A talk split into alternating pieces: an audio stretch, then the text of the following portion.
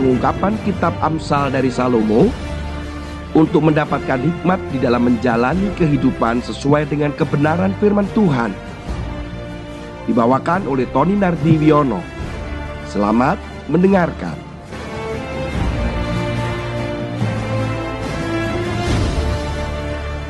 Demi cinta seorang lelaki bernama Hasik Syamin Esa. Dia yang bekerja sebagai security di negara Singapura harus menyesal atas perbuatannya sehingga dia harus mengalami atau menjalani perawatan kesehatan mental karena dianggap dia memiliki masalah kejiwaan. Hal itu karena keputusan daripada pengadilan. Sebenarnya apa yang dilakukan oleh Hasik Syamin Esa Ternyata Hasik ini dia mencuri ambulan. Suatu hari dia datang ke temannya dan dia mengunjungi pemadam kebakaran di Sengkang, Singapura. Saat dia melihat ambulan yang dalam kondisi masih mesin hidup, tiba-tiba muncul sebuah ide. Kemudian dia ambil ambulan itu, dia kendarai ambulan menuju ke Punggol. Dia menuju ke apartemen kekasihnya. Saya nggak tahu apa yang dipikirkan oleh Hasik, tapi di dalam perilakunya tersebut dianggap dia mengalami kesehatan jiwa yang bermasalah. Mencuri ambulan demi cinta dan kencan dengan kekasihnya. Saudara, dilihat dari kisah seperti itu, mungkin kita anggap itu hal yang konyol. Tetapi bisa saja muncul tiba-tiba tanpa dipikirkan resikonya tentunya. Yang muncul biasanya ketika kita mengalami sebuah kesalahan adalah penyesalan menyesal mengapa itu dilakukan, menyesal mengapa itu dikerjakan, menyesal mengapa itu dikatakan, menyesal mengapa itu diputuskan. Ada begitu banyak penyesalan-penyesalan. Manusia tidak pernah lepas dengan penyesalan. Di dalam perjanjian lama pun apa yang dialami Daud tetap dengan ada tahap di mana Daud menyesal dosanya terhadap perjinahan dengan Betseba, membunuh suami Betseba. Kemudian banyak juga kesalahan-kesalahan yang dilakukan oleh para hamba-hamba Tuhan, nabi-nabi di perjanjian lama. Di perjanjian baru juga demikian. Bagaimana Petrus menyesal ketika dia meninggalkan panggilannya dan saat bertemu dengan Yesus di pinggir danau dan ketika Yesus bertanya tentang mengasihi. Yudas menyesal juga. Tetapi Yudas berakhir dengan tragis karena memutuskan untuk membunuh dirinya sendiri setelah mengalami penyesalan. Firman Tuhan katakan di dalam Amsal pasal yang kelima ayat 12 dan 13. Lalu engkau akan berkata, "Ah, mengapa aku benci kepada didikan dan hatiku menolak teguran? Mengapa aku tidak mendengarkan suara guru-guruku dan tidak mengarahkan telingaku kepada pengajar-pengajarku?"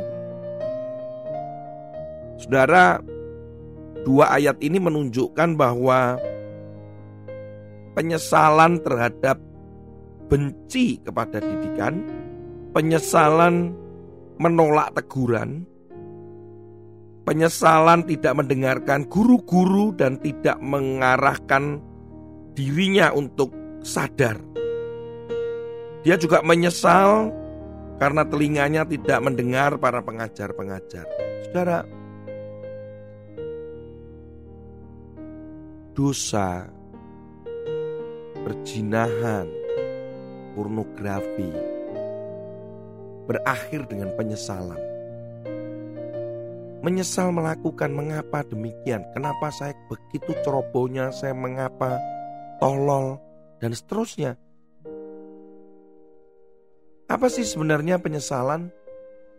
Penyesalan itu menurut seorang psikologi ekonomi, ahli psikologi yang bergerak di ekonomi, Marcel Zielenberg.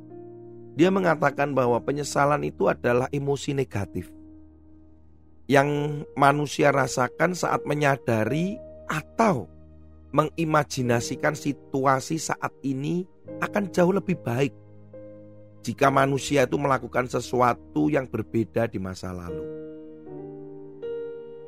Penyesalan sendiri sebenarnya dibagi menjadi dua, saudara. Yang pertama, karena pernah melakukan kemudian menyesal.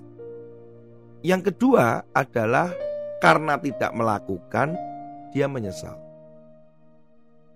Dan mayoritas, kebanyakan sebenarnya, penyesalan itu kebanyakan adalah datang dari hal yang tidak kita lakukan. Semisal, saya menyesal kenapa mami saya pulang terlebih dahulu ke rumah Tuhan sebelum saya sempat membahagiakan. Kadang saya juga mengalami itu. Saya menyesal, kenapa kok ayah saya pulang duluan ya. Seandainya hari ini papi masih hidup, maka nah seterusnya seperti itu.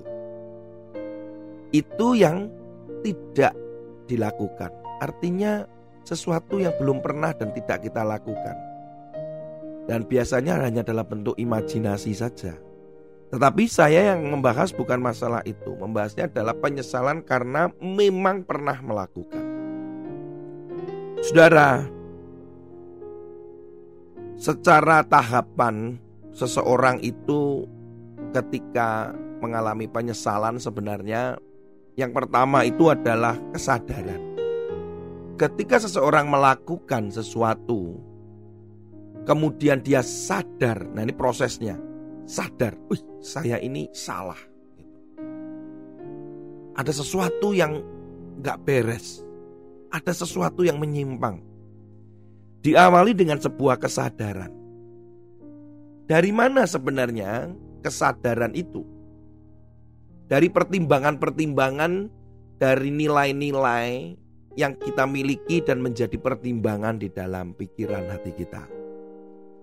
Ketika kita pernah membaca firman Tuhan dan kita mengerti tentang kebenaran firman Tuhan, kemudian kita melakukan sebuah kesalahan dan boom, tiba-tiba ada kesadaran bahwa itu salah. Mengapa? Karena sudah ada pembanding yang menjadi bahan pertimbangan, nilai-nilai yang benar, prinsip-prinsip yang benar.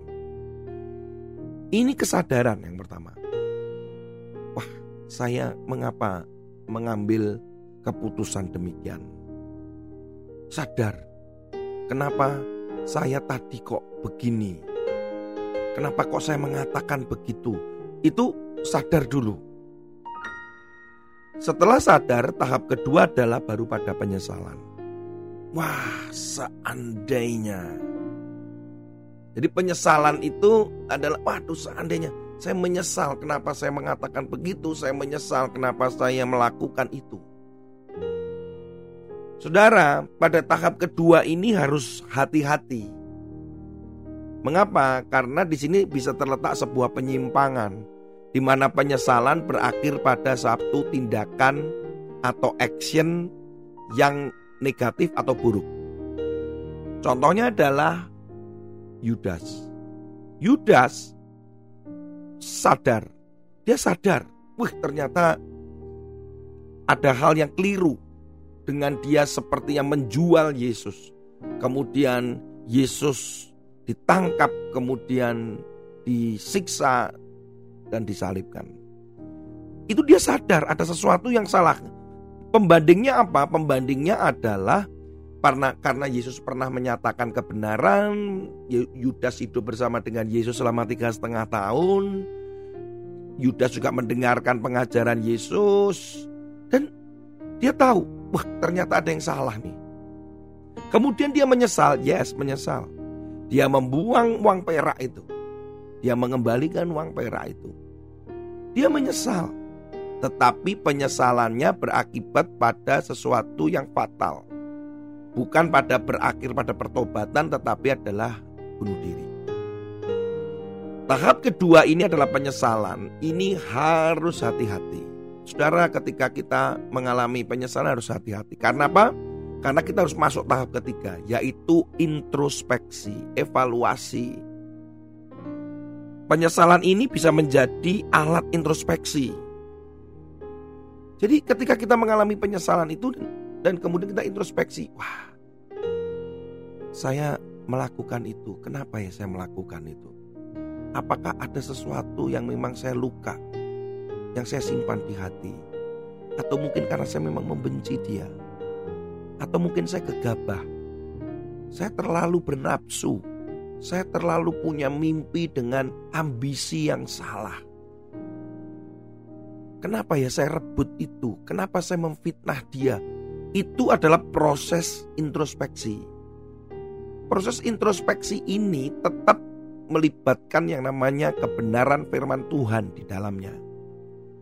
Bukan lagi hanya sekedar kata orang atau ilmu-ilmu yang lain, tetapi firman Tuhan harus bergerak dan bekerja di sini. Di sinilah yang muncul adalah pengertian, understanding, dan hikmat itu diperlukan. Tahap keempat adalah pertobatan. Pertobatan ini yang dilakukan adalah menyadari kemudian bertobat. Ya, saya sudah melakukan kesalahan, saya tidak mau melakukan kesalahan itu lagi.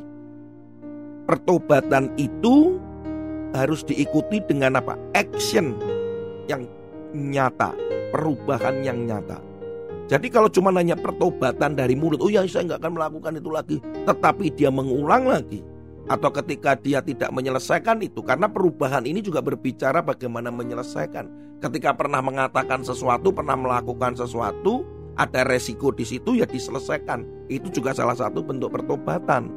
Pertobatan bukan hanya sekedar berubah dari perilakunya, tetapi perubahan juga nggak berhenti di situ. Perubahan itu yang dimaksud adalah juga menyelesaikan dari akibat perbuatannya. Ketika kita pernah menyakiti orang dengan mulut kita, kita juga harus menyelesaikannya. Minta maaf. Kemudian kalau kita pernah melakukan satu tindakan tertentu yang merugikan orang ya kita menolong mereka dan mengangkat mereka kembali. Atau ketika kita melakukan sebuah perjinahan ya kita, kita harus dengan perubahan dengan jelas harus memutuskan, harus membuang barang-barangnya, harus menghapus nomor-nomor teleponnya, harus membuang buku-buku, harus menghapus semua film-film. Itu harus jadi perubahan itu harus ada penyelesaian dan ada tindakan ke depan untuk berubah.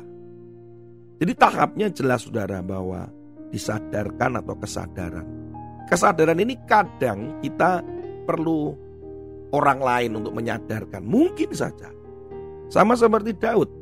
Daud kan diingatkan, disadarkan dia. Di situlah dia mulai sadar, kemudian dia menyesal, dia introspeksi, dia bertobat dan berubah. Itu adalah tahap-tahap itu, saudara.